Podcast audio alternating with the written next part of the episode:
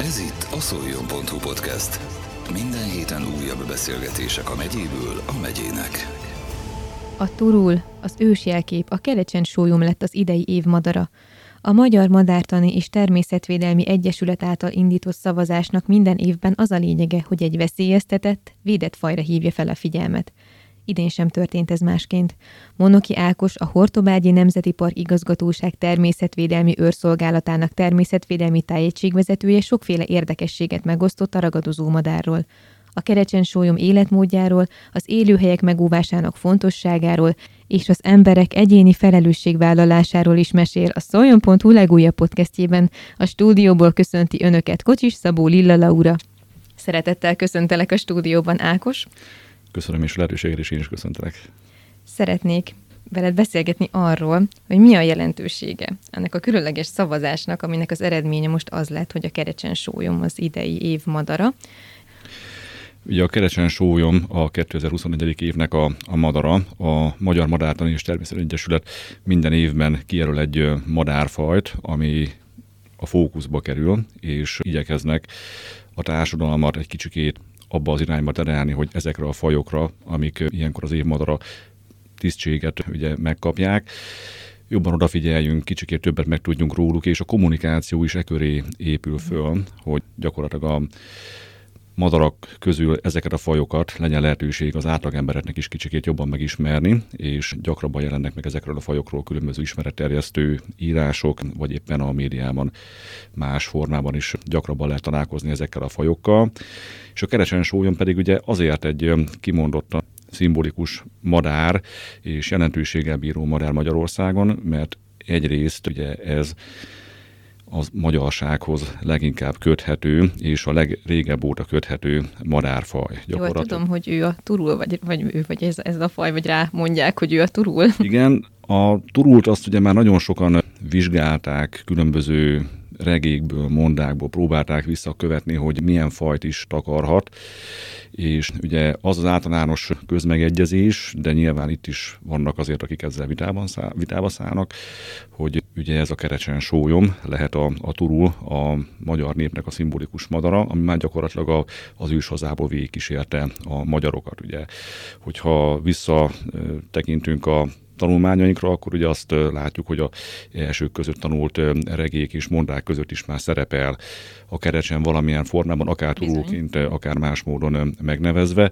Emese álmában is, ugye, tehát ugye a a turul a keresen súgja az álmot emesének, tehát a magyarság számára ugye ez az etelközi eredet, ez, ez mindenféleképpen egy nagy jelentőséggel bíró dolog, és egy nem beszélve arról, hogy hát utána pedig az Árpád-házi királyoknak is a jelképe lett, és nagyon sok esetben ez zászlókban, címerekben, pajzsokon megjelent, mint szimbólum. Gyakorlatilag nekünk magyaroknak ez egy, ez egy nagy jelentőséggel bíró faj, és nem csak a akkori törzsi vezetőkhöz, illetve nemzetségekhez köthető, hanem aztán később is, hogy ez végigkísérte a magyarokat. Hogyha a madárnak a nevét elemezgetjük, ugye a kerecsent, ugye a magyar szakma egy része úgy tartja, hogy ez egy orosz eredetű elnevezés, ha viszont elmegyünk Oroszországba, és ugye a madárnak az ottani természetesen helyén helyi kutatókkal beszélünk, vagy akik ismerik ezt a fajt, ők meg magyar eredetűnek tartják. Akkor mindenki egymásra mutogat. Így van, megy az egymásra mutogatás ebben a dologban.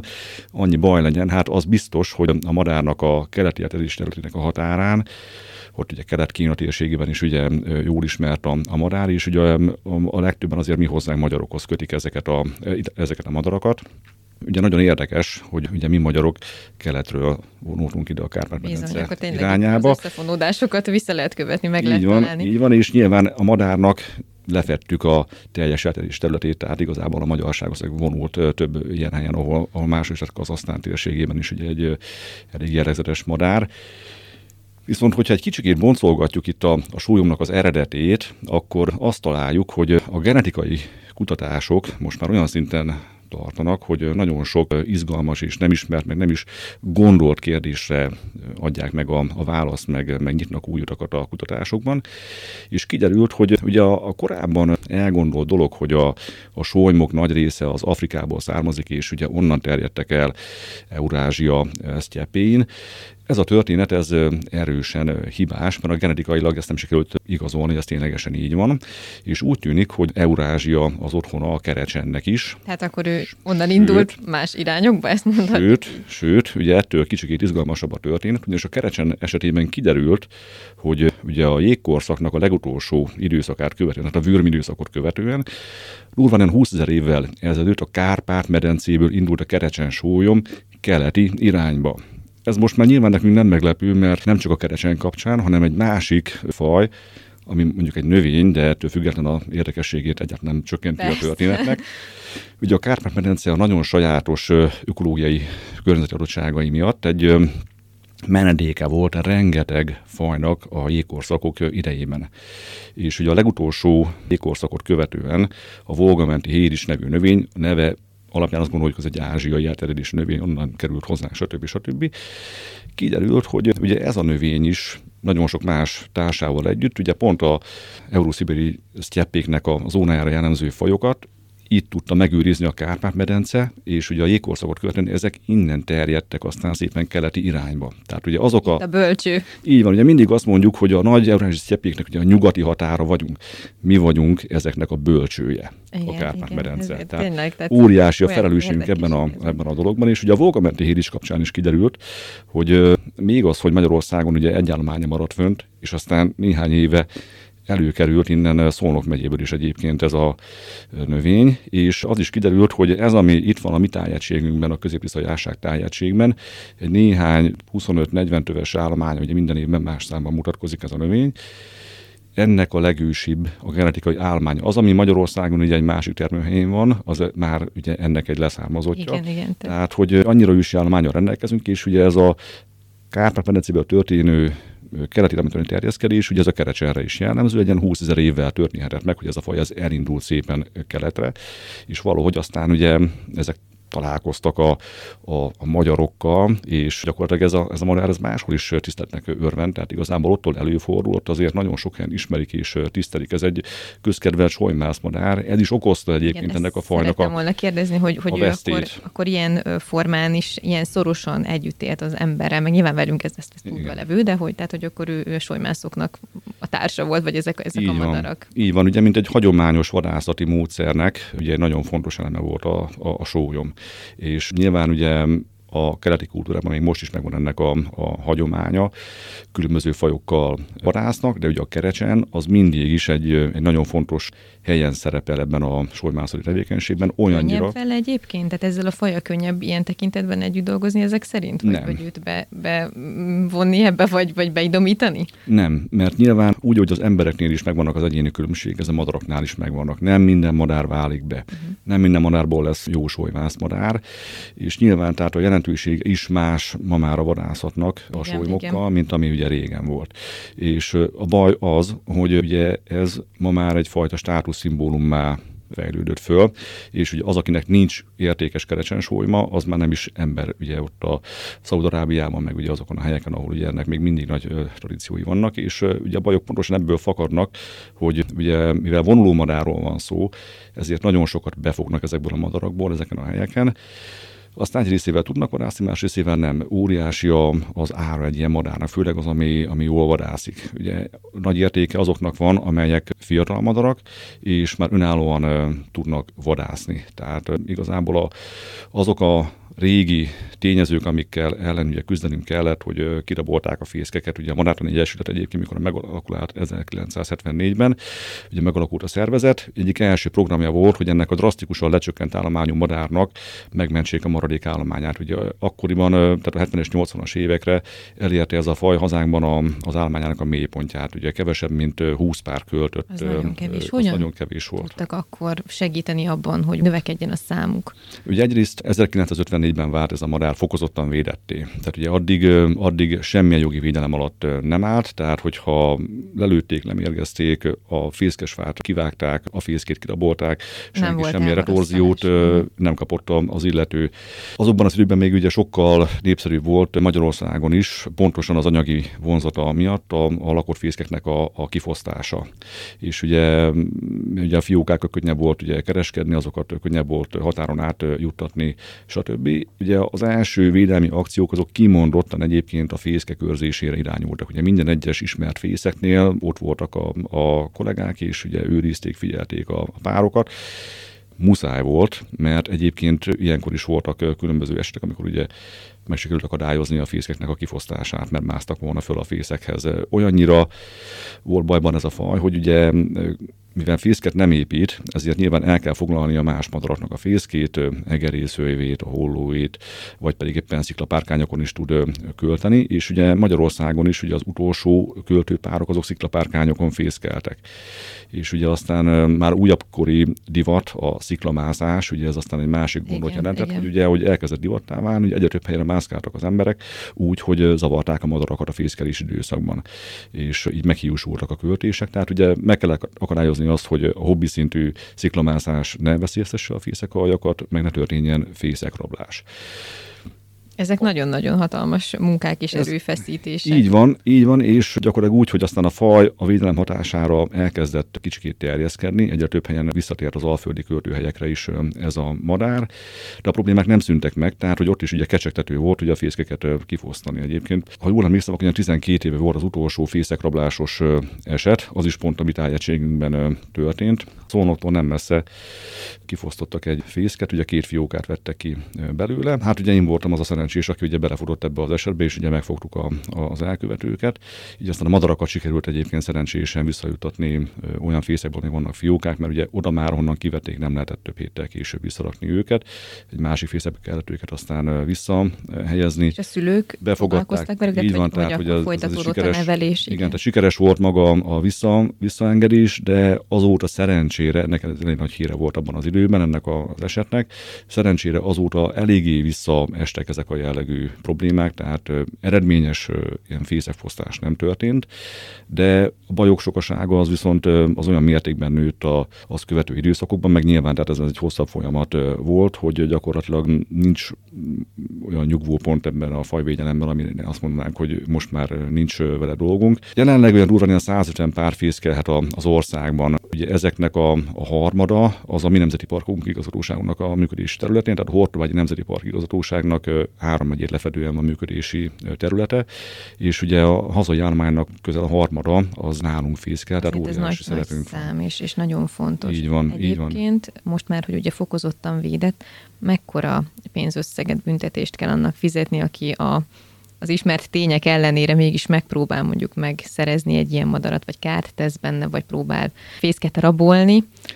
Igen, na most ugye onnan indul, hogy a madárnak van egy természetvédelmi értéke. Ez egy millió forintban van megállapítva, de ez nem jelenti azt, hogy én el tudok vinni egy kerecsensort valahova, és akkor egy millió forint befizetek az államnak, és akkor utána én szabadon rendelkezek vele. Ez, Tehát, ez, hogy ez aki szándékosan működik. ezeket a madarakat károsítja, nyilván a, a jogi háttér úgy van emögé építve, hogy nyilván ez egy bűncselekménynek Mert számító dolog. Jogni, tehát, nem csak hogy, kifizeti a büntit, a büntetést, van, tehát, hogy hanem ezért bizony Aki károsítja, aki kifosztja a fészket, az természetkárosítást követel, és ugye a madarak számától függően gyakorlatilag ez amellett, hogy ez egy pénzösszeget is képvisel, azon túlmenően ez három évig terülő börtönbüntetéssel díjazható ez a, ez a tevékenység, és hát gyakorlatilag emiatt mivel ennek van visszatartó ereje összességében, ugye ezért nálunk a, a szándékos pusztítások, károkozások, ezek aránylag kis számban fordulnak elő. Vannak lelövések, vannak mérgezéses esetek, amik ugye tudomásunkra jutnak. Ezeknek ugye nem lehet tudni a szándékosságát. Tehát egy részéről lehet tudni, más részéről nem lehet tudni, de összességében ami az állományt leginkább veszélyezteti az az elektromos áramütés, a zsákmányállatoknak az eltűnése. Ugye a kerecsensúlyom egy táplálék specialista állat. Alapvetően egyébként nagyobb termető rákcsálókat, tehát ürgét, kimondottan ürgét szeret fogyasztani, illetve hörcsögöt. Az ürge is egy védett állat Magyarországon, kimondottan a kerecsen sólyom és a parlag és a védelem miatt lett védett állat. Ugye a, a legeltetett szikes puszta élőhelyeknek egy jellegzetes rákcsálója az űrge.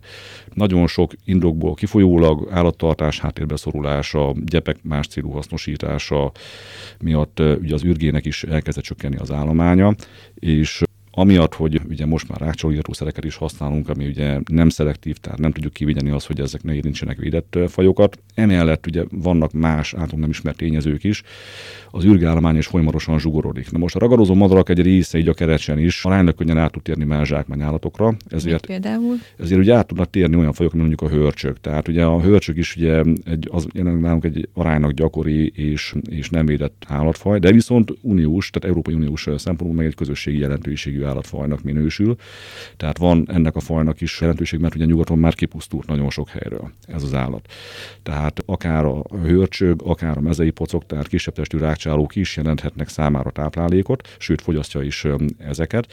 De nyilván a ragadozó madaraknak a többsége, meg minden faj egyébként alapvetően, illetve a legtöbb faj igyekszik a számára adott idő pillanatban a lehető legnagyobb számban, a legkönnyebben hozzáférhető táplálékból fogyasztani. Tehát nyilván, amikor vonulnak a madarak, sok a seregé, jönnek a parti madarak, a bíbic, pajzsos cankó, és ezek csapatosan vonuló madarak, és ugye a kerecsen ugye ezekkel találkozik, meg ugye a költőhelyét használják ezek a madarak is táplálkozásra, akkor ezeket fogyasztja.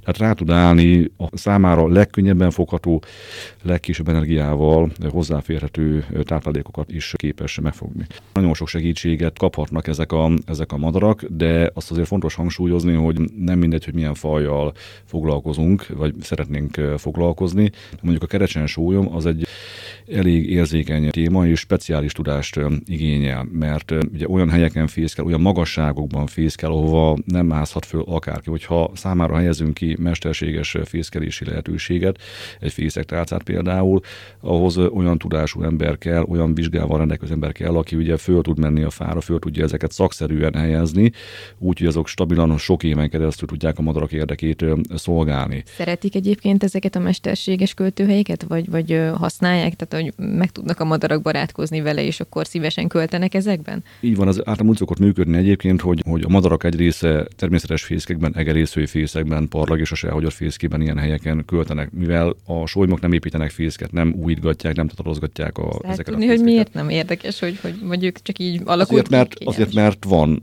elegendő olyan fészkelési lehetőség, és nem szorul rá, ez náluk nem alakult ki ez a, ez a dolog. Elfoglalják az alkalmas hmm. lehetőségeket, találékonyak, megtalálják az útját, módját, akár küzdelem árán is, tehát hogyha másokkal meg kell érte küzdeni, akkor megküzdenek érte, és akkor elfoglalják a hollót, elhagyják például, vagy, vagy pedig esetleg a, Így van, tehát hogy, hogy ezeket ők megoldják nagyon ügyesen, és nem kényszerülnek arra, hogy fészket építsenek. És ugye van elég üres fészek, ezeket elfoglalják, már ahol van, ott, ahol meg nincsen, vagy pedig éppen az a gond, hogy lepusztul az a fészek, amit, amit használnak, tehát hogy akkor neki mennie kéne egy újabb helyre a fészket találni, és akkor, és akkor abban, abban költést kezdeni. Gyakorlatilag mi igazából azt segítjük meg, hogy a madár biztonságosan tudja költeni, tehát egy, egy leszakadó, lepusztuló fészek helyére fölhelyezünk egy költőtárcát, és akkor a madarat óra tudjuk kötni néhány évig, amíg úgy gondolja, hogy ott akar fészkelni azokon a, azokon a helyeken. És nyilván ez egyfajta segítség, de ugyanakkor meg, amiben ugye szoktak állampolgárok nekünk segíteni, az ugye a veszélyszerű tényezőnek a felmérése. Tehát az, hogy milyen módon pusztulnak ezek a madarak, mik itt a forró pontok, hogy hol és milyen okból kifolyólag hullnak el. Ugye az áramütés ebben a nagyon fontos tényező, hiszen rengeteg madár használja az elektromos tartóoszlopokat kiülőhelyként figyelőhelynek, és akkor ezeken a helyeken időnként áramütés éri ezeket a madarakat, megsérülnek, elpusztulnak, előfordul, hogy állampolgár talál áramütött kerecsen solymot, akkor ugye szól, elhozzuk, a madár ellátást kap, ha sikerül megmentik az életét az átorvosok, hanem akkor sajnos elpusztul. Viszont ha már tudjuk, hogy hol pusztulnak le ezek a madarak, és ebben nagyon sok állampolgár segít nekünk, hogy segítenek fölmérni ezeket a oszlopokat. Ezeknek a, a szigeteléséről, átalakításáról, madárbaráttá alakításáról tudunk gondoskodni. Tehát az áramszolgáltatóval egyébként a Nemzeti Park Igazgatóságunknak van egy nagyon jó együttműködése, és az összes ilyen veszélyes oszlopot, amit ugye megtalálunk és időben jelzünk, ezeket igyekeznek a munkarendjükbe beépíteni és átalakítani ezeket az oszlopokat. Ezáltal az áramütésnek a kockázata csökkenthető, uh-huh. de ez, ez, ez se ér véget sajnos, mert rengeteg oszlop van az országban, tehát lépésről lépésre tudunk haladni, mindig újabb és újabb kerül a tudomásunkra, de nyilván az együttműködésnek köszönhetően ezeket el tudjuk érni, hogy kerüljenek átalakításra. De nagyon sok ilyenről van szó, sok helyre mennek állampolgárok, segítenek, civilek, lelkes, önkéntesek, lejárnak egész szakaszokat, fölmérik, hogy ott milyen madarak pusztultak el. Ez alapján tudjuk súlyozni, hogy melyek azok a helyek, ahol azonnal be kell avatkozni, melyek azok, amelyek esetleg rájönnek egy később időpontban az átalakításra. Hát akkor a, a megfigyelésben és a tájékoztatásban tud mindenki a legtöbbet segíteni. Így van. Akármilyen így van. fajnak, vagy akármilyen madárnak. Így van, meg, meg nem beszélve ugye arról, hogy ugye a régi fészekőrzések is pont azokból a, a lelkes, segítőkész emberekből tudott milyen hatékonyan működni, akik elmentek és vállalva a februári, márciusi hidegeket is ott voltak és őrizték ezeket a fészkeket, és adott esetben akár őrzik ezeket mind a mai napig is. Igen, hát ez azért biztos, hogy mindenkinek egyébként jó érzés is, hogy ilyen formán hozzátesz ahhoz, hogy, hogy megőrizze ezeknek a madaraknak a biztonságát, meg hát nyilván a fajt, így a, így a jövőre való tekintettel is. Picit még róluk szeretnék kérdezni, hogy azért már egész jól megismertük itt a, a szokásait ennek a madárnak, de hány fiókát költ? És ugye említetted itt az elején, hogy fiatal madár bizonyos kor után tud már maga is vadászni. Mikor jön ez el ez a kor? Picit így a tojástól a felnőtté válásig még beszélgessünk róluk.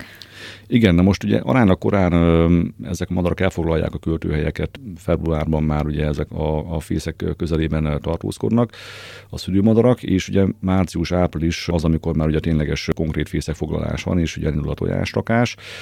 Általában egy fészek 3-5 tojásból áll, ez sok tényezőtől függ, függ a madaraknak a korától, a tojó termékenységétől, a, meg a hímétől természetesen, és ugye a rendelkezés álló tápláléktól. Ugye a ragadozó madaraknak a számát ugye mindig azt szabályozza, hogy mennyi a hozzáférhető táplálék, mennyit tud a madár racionálisan fölnevelni egy fészekajból. Általában egyébként ez a három-öt tojás is és fióka szokott lenni az általános, négy, a négy és a három a leggyakoribb, az öt az már kicsikét ritkább, de, de, nem, de nem, nem annyira, hogy hogy extrémnek minősüljön.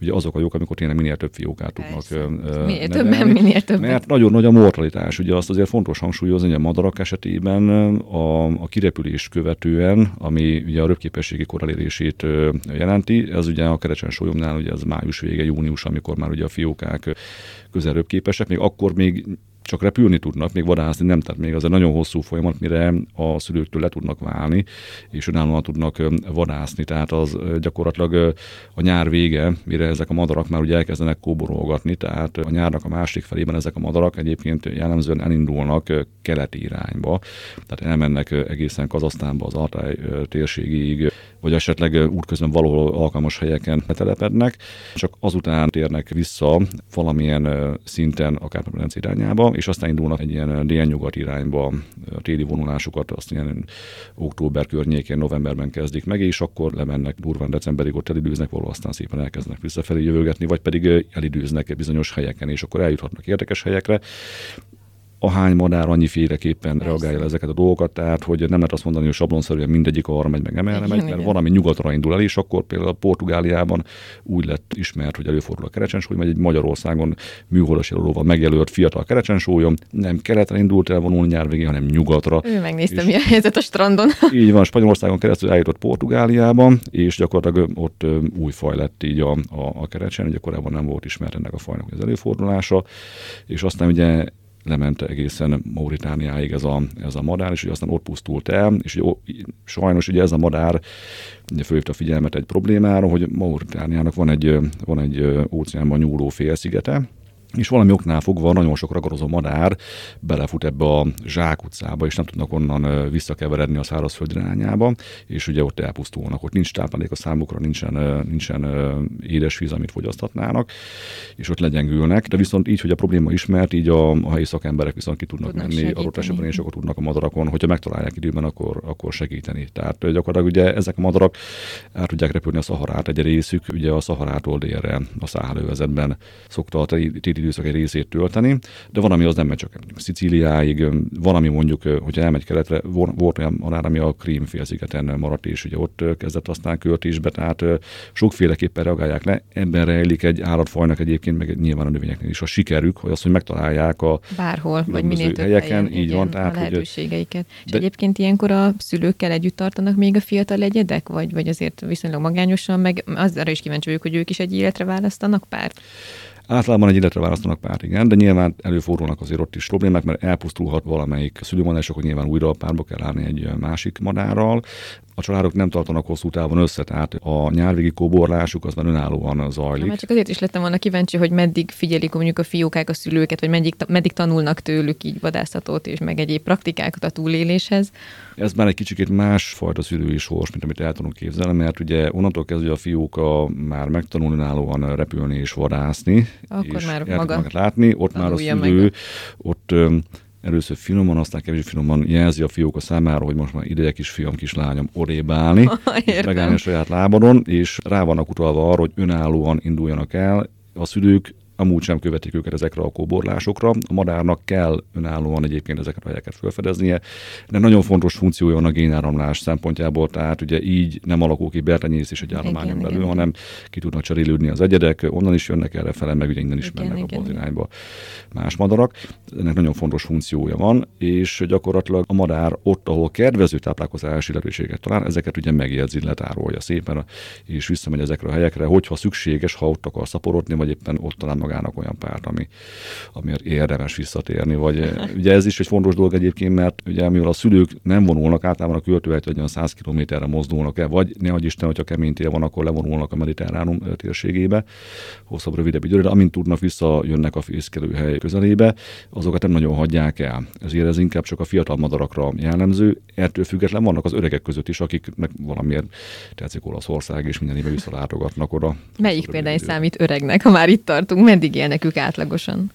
rengeteg veszély leselkedik rájuk. Tehát ugye itt azt szoktuk mondani, hogy ugye külön kell választani egymástól, amikor a természetben él egy madár, 15-18 évet tud egy kerecsen sólyom általában, hogyha nem érik menet közben olyan jellegű hatások, és nagyon-nagyon sok szerencséje van, akkor ekkora kort meg tud élni, de zárt tartásban, tehát hogyha állatkerti vagy solymászati ö, célú Hát tartásról megsérült, és beszélünk. már nem tud visszamenni. és Igen, ott valaki- akár ilyen 25 évet is képesek, ilyen Ez nagyon 25 szép. évig képesek élni ezek a, ezek a madarak.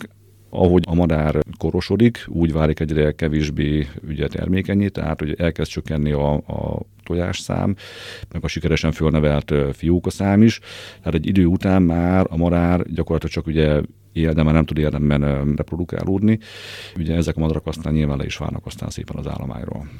És akkor ők magányosan még azért érdekélnek. Valameddig Nyilván. igen, de, de tehát azért azt fontos hangsúlyozni, hogy nyilván itt a vadászati képesség, a röpképesség is, a tollazatnak a megújító képesség, és azért elősen. Hát nyilván redukálódik egy idő előregednek szegények. Tehát, hogy őket is utoléri a vég előbb-utóbb. Ha szerencséjük van, akkor természetes úton pusztulnak el, ha nem, akkor belefutnak valami sajnos kevésbé szerencsés helyzetbe, ütköznek valamilyen járművel, szélerőművel, stb. Tehát, hogy gyakorlatilag ezek, ezek, ezek olyan kockázatok, amelyek, amelyek benne vannak a madarak életében, és hát mi emberek nem igazán könnyítjük meg a helyzetüket. Igen, pontosan ide szeretnék folytatólagosan ebbe a témába átlépni. Itt azért beszéltünk arról, hogy mivel tudunk segíteni nekik alapvetően, vagy hogyan tudunk figyelni arra, hogy minél kevesebb veszély érje őket, de ezen túlmenőleg akár a természeti környezettel összefüggésben, vagy a többi fajjal, és most mindegy, hogy növényről vagy állatról beszélünk, miket tudunk mi tenni? Akár most le is mehetünk így, a, a, tehát nem feltétlenül kell országosan, nem itt azért a megye, főleg nyilván a megye érintettségében. Mire tudunk jobban odafigyelni? Mire figyeljünk oda? Te azért, ahogy beszéltük is, a nagy zöld irodádban mindenféle dologgal találkozol. Mi az, ami egyébként a legmegdöbbentőbb, és hol lennének azok a pontok, vagy, vagy hol tudnánk mi még jobban odafigyelni? Mivel tudnánk a felelősségünket egy picit jobban előtérbe hozni, és azt mondani, hogy jó, akkor erre, erre most tényleg nagyon, vagy még jobban odafigyelek.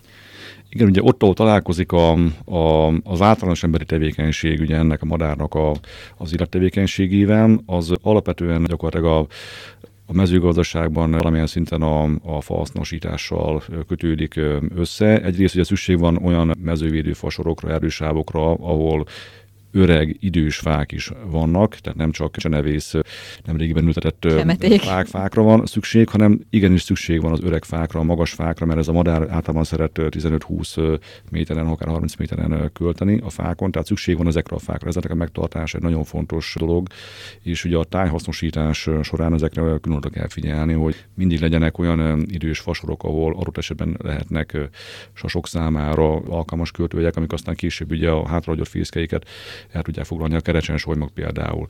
Ez egy nagyon fontos szempont. Ugye a másik része a mezőgazdaság. Ugye a 2023-as év egy, egy rákcsáló gradációs év volt, tehát a mezei pocoknak egy, és nyilván más rákcsáló fajoknak is egy igen magas számot sikerült elérni az azt megelőző 2022-es évi asszálynak köszönhetően jó volt a szaporulat, és ugye már akkor látszott 22 év végén, hogy sokan lesznek. Hogy sokan lesznek, és de 23 az egy, az egy kimagaslóan nagy számot hozott a, a rákcsálókból, és nyilvánvalóan tehát a mezőgazdasági károk megelőzése érdekében sok helyen történt rákcsálóírtás, mert ugye ezek még egy része még folyamatban is van. Hogyha ezeket kellő körültekintéssel végzik, hogyha alaposan meg van válogatva a hatóanyag, az alkalmazott szer a rákcsálók ellen, akkor elkerülhető az, hogy ezek a madarak nem szándékos módon mérgeződjenek. Nyilván a ragadozó madarak számára is egy fontos szempont, hogy ha lát egy tényfergő mezei pockot, és mondjuk az nem úgy mozog, mint egy egészséges, akkor nyilván meg fogja fogni, mert Könnyű nem, préda. Nem kell akkor energiát belefektetni egy, egy nyílt sebességgel közlekedő mezőpocok mefogásába, hogyha ott van egy lassabb mellette, akkor igen, nyilván azt fogja elfogyasztani, viszont lehet, hogy az már fogyasztott valamilyen mérget. És hogyha, hogyha akkor vele együtt. Így van, és túl. akkor ezek a madarak is mérgeződnek. Vannak olyan szerek, amelyek halmozódnak a szervezetükben. Ugye a ragadozóknak a jelentős része csúcsragadozó, tehát hogy amit ugye fogyasztanak életük során, annak ugye az a része, ami érintkezett valamilyen méreggel vagy káros anyaggal, az ő bennük fog halmozódni, és lehet, hogy nem egy mezei pocok fogja okozni a vesztét. De 12 már lehet. Így Vagy van. Tehát, ugye, hogy ezeket ugye összegyűjti a hatóanyagok, aztán pedig ugye abban a dózisban már kifejtik azt a hatást, hogy a madár legyengüljön, vagy éppen elpusztuljon.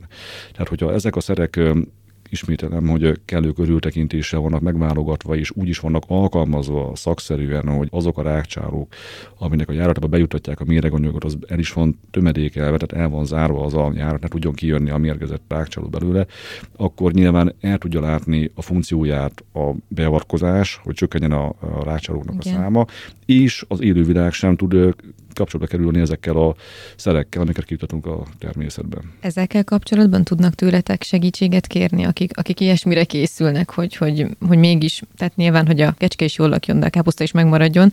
Nyilván itt ez megint a körültekintés, de, de hogy információgyűjtés, segítségkérés adott esetben, vagy amikor valaki egy ilyen nagyobb szabású, nagy földterületekről beszélünk, beavatkozásra készül, akkor, akkor tud veletek is előtte, vagy érdemes ö, tanácskozás szintjén, vagy, vagy valamilyen felmérés szintjén ebben, ebben így együttműködni? Vagy van is rá egyébként példa?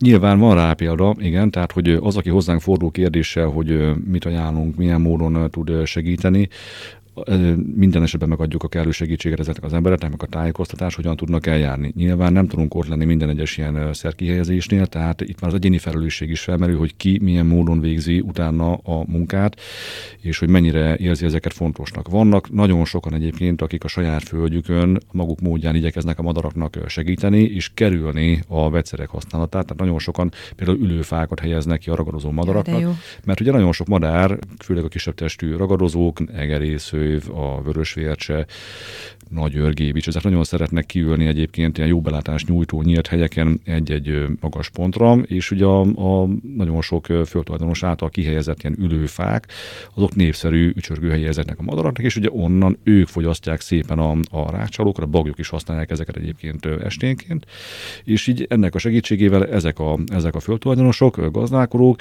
ők egy teljesen jó, szabályos és, és mindenki számára hasznos módját találták annak, hogy hogyan tudják a földjükről a rácsolók nagy részét eltávolítani. Ezt szeretném volna mondani, ez egy nagyon jó gyakorlat, és hát nyilván amellett, hogy mondjuk lehet költséghatékonyabb is, még akár mondjuk nekik is szeme gyönyörködtető a látvány, ha éppen pont tetten érik, ahogy ott figyel a példány, vagy éppen lecsap, tehát ezek biztos, hogy egyébként jó. Aki kint van sűrűn, lehet, hogy a szeme már hozzászokott, de nem hiszem, hogy meg tudják unni. Mire lehet még odafigyelni? Tudom, hogy a szemetelés és a szemét kérdése sem egy egyszerű történet, illetve a hulladéklerakás, és ez is ugye nagyon sok esetben nagyon nehéz helyzeteket szül.